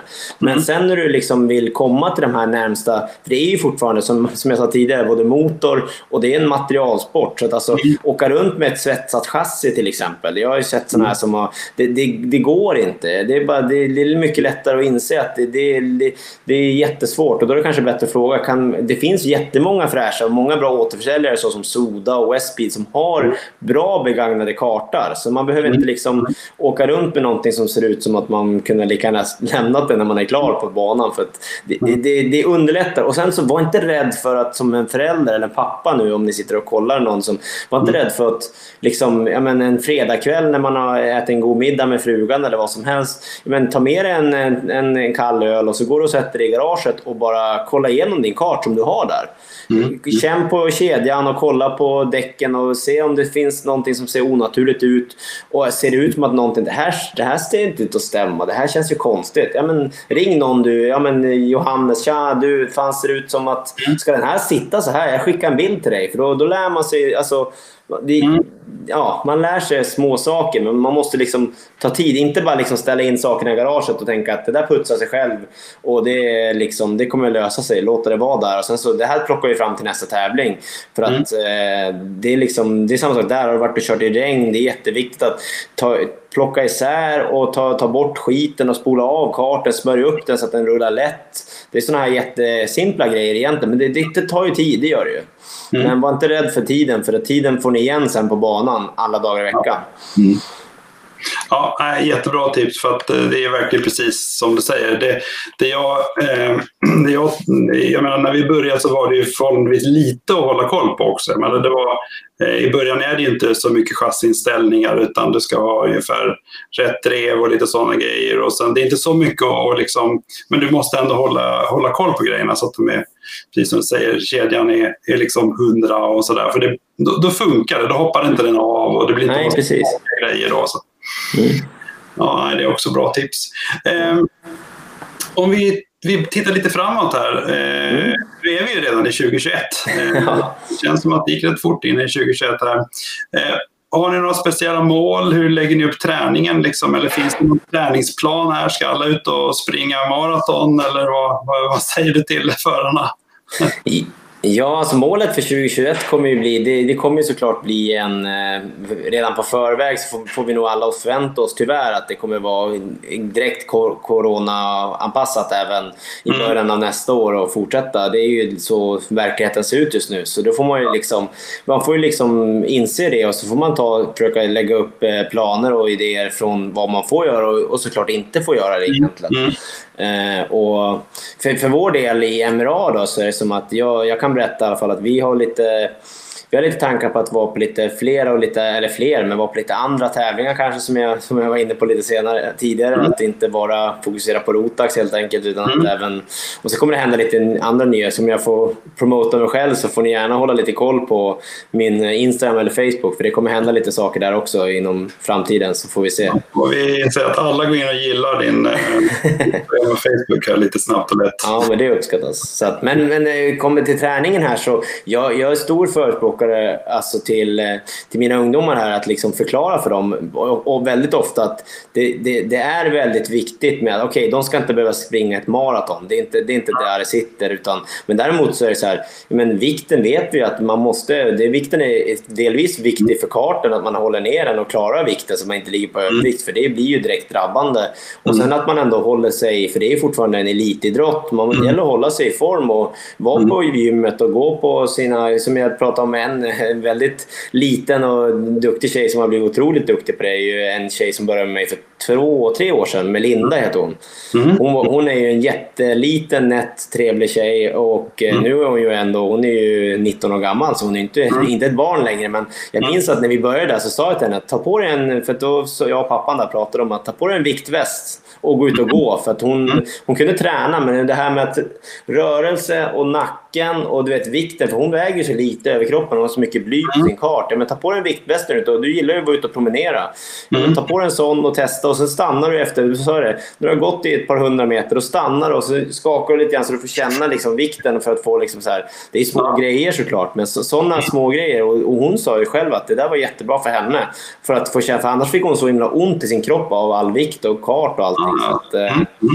det, det, finns jättemycket tips och tricks och det finns ju även övningar som man kan göra hemma och sådär. Men jag brukar alltid säga att det viktigaste av allt är att ni, ni håller, håller koll på er själva och försöker även inte skada er och göra illa er inför säsongen utan försök vara resonliga när ni tänker och sen så, såklart rör på er.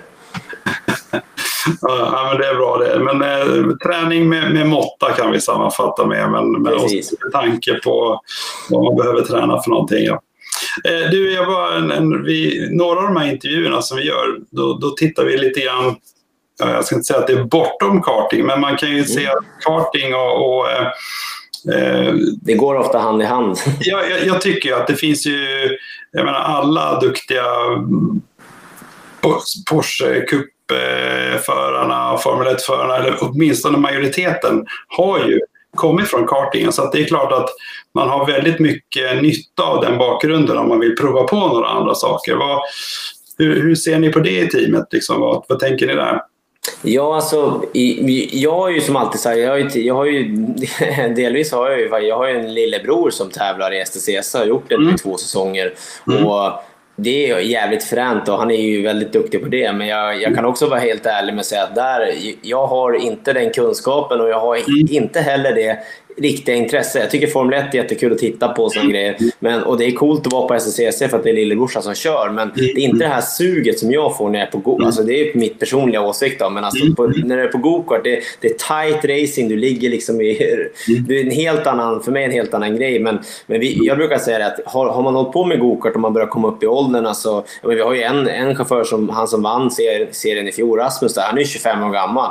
Mm. Eh, och har ju liksom bara hållit på med gokart. Det är, hans, det vad han tycker är roligt. Liksom. Mm. Viktor Öber är ett annat exempel som vi har pratat om tidigare några gånger. Han eh, har ju inte heller klivit över till bil eller till någon sorts formelbil eller någonting. Han har hållit sig till kartningen för han tycker det är roligast. Ja. Som jag har förstått det på honom. Så att, jag, jag tänker generellt att alltså, självklart, är man, vill man gå vidare så är det så här, då ska man försöka, men ska man in i bil och formelbil ska man bara komma ihåg det att ska man liksom göra den satsningen och kanske förhoppningsvis lyckas så ska man ju göra, Joel Granfors är väl ett bra exempel till ja. exempel. Mm. Som, mm. Han, han, jag vet inte riktigt vad han har gjort på, gokartnivå egentligen. Jag har inte riktigt koll på det. För jag, han har inte gjort några jättestora succéer vad jag vet i alla fall. Men klev tidigt in i Formel Bil och mm. har gjort det jätte, jättebra där har jag förstått det. Så det är ja, jättekul. Jag vet så, så var han väl, han körde väl både Aquilia och eh, Formel Nordic. Och, och, det var väl, han fick väl köra mellan tävlingarna för till finalen i, i, eh, i Kinnekulle där. Så det, nej, men det,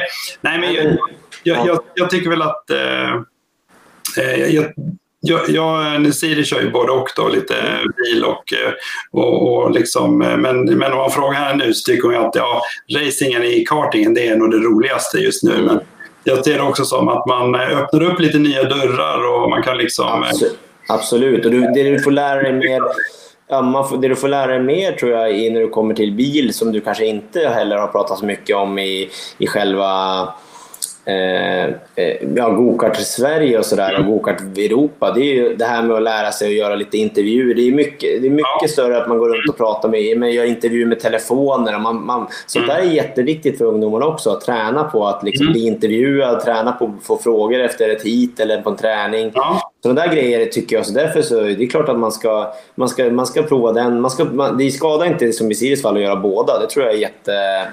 jätteklokt. Mm. Sen så tror jag, ska man, ska man satsa på någonting så tror jag ändå att man ska försöka hålla sig till det ena eller det andra. Mm.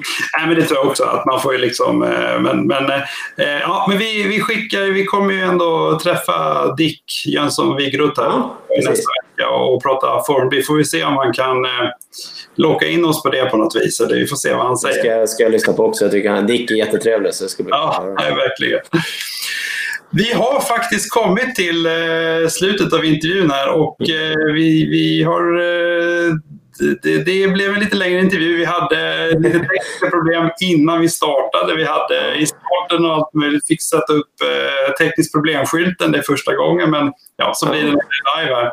Eh, först och främst supertack för att du liksom ville ta dig tiden och, och eh, eh jätteintressant att lyssna på det här.